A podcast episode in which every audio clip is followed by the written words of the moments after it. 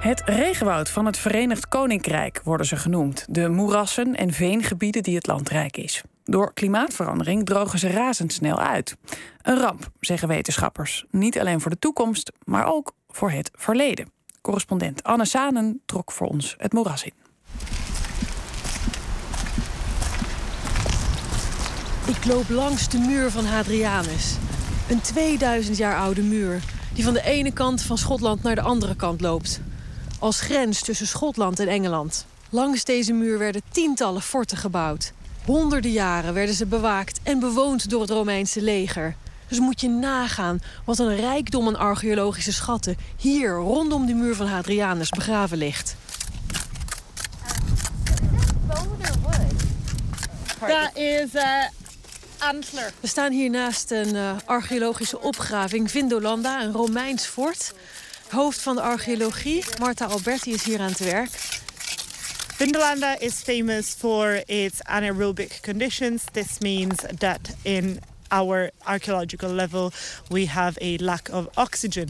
This means that things like shoes, leather and other organic materials are perfectly preserved. Omdat de archeologische schatten in veengrond bewaard blijven en daar geen lucht bij komt, blijft het enorm goed bewaard. Bijna puntgaaf komen hier spullen weer naar boven. Legionis make up the biggest Roman army unit of them all, the Legion.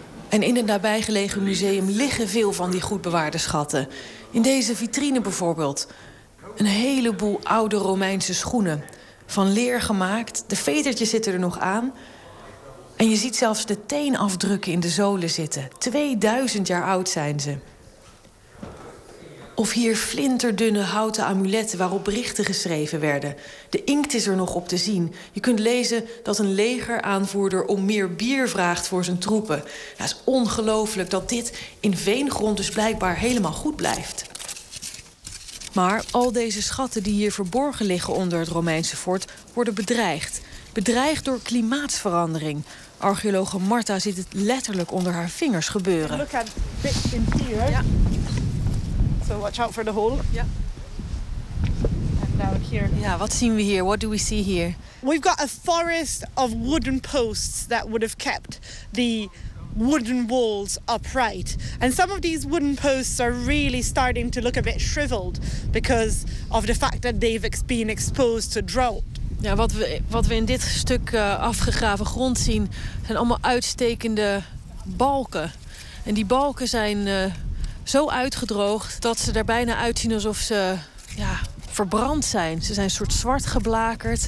En ja, uiteindelijk zou dit dus gewoon vergaan zijn. Peatlands are a very delicate environment. They thrive in stable condition.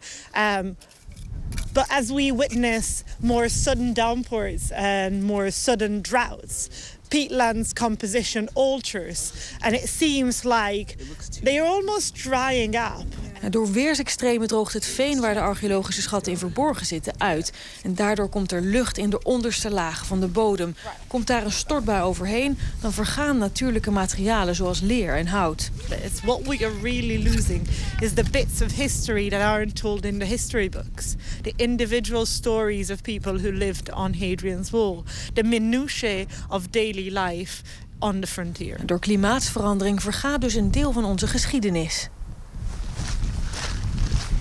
Maar veengebieden bepalen ook de toekomst van het klimaat.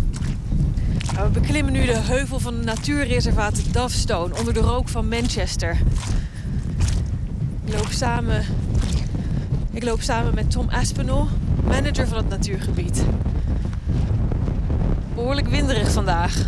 Hoe komt het dat het veengebied hier zo eh, beschadigd is? Uh, they were burning coal back in the Industrial Revolution, and that caused um, acid rain and lots of air, air pollution that fell on these bogs, and it killed off the most important plant here, which is sphagnum moss. En tijdens de industriële revolutie werd hier zoveel kool gebrand... dat eh, alle luchtvervuiling hier neerkwam op de heuvels. En alle planten, alle vegetatie stierf af. Dus hoe zag het er dan hier zo uit? It, it was really different to today. Um, it was mostly bare, so there were large areas where there were just no plants whatsoever. Um, so it was just pretty much black um, all over the landscape. Ja, de heuvels van Dovestone veranderden in een zwarte vlakte.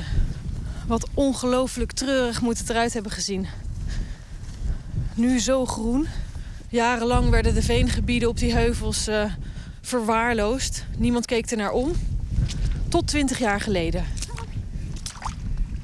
En wat hebben we hier? What's that? So this is sphagnum moss. So this is the moss that I was telling you about that basically created this landscape of, of peat. Ah, dit is het zogenaamde moerasmos. It holds lots and lots of water. So if I squeeze this, it's just going to flood out with water. Als je erin knijpt, komt het water er ook uit. Kan ik het voelen? Het voelt ook... Uh... Ja, het is echt net een natte spons. Een groene natte spons. We've been planting sphagnum moss across this landscape now in order to start the process of building peat back up again. So it stores carbon, it stores and slows down water. Um, it's great for insects, which means it's great for the birds because that's what they eat.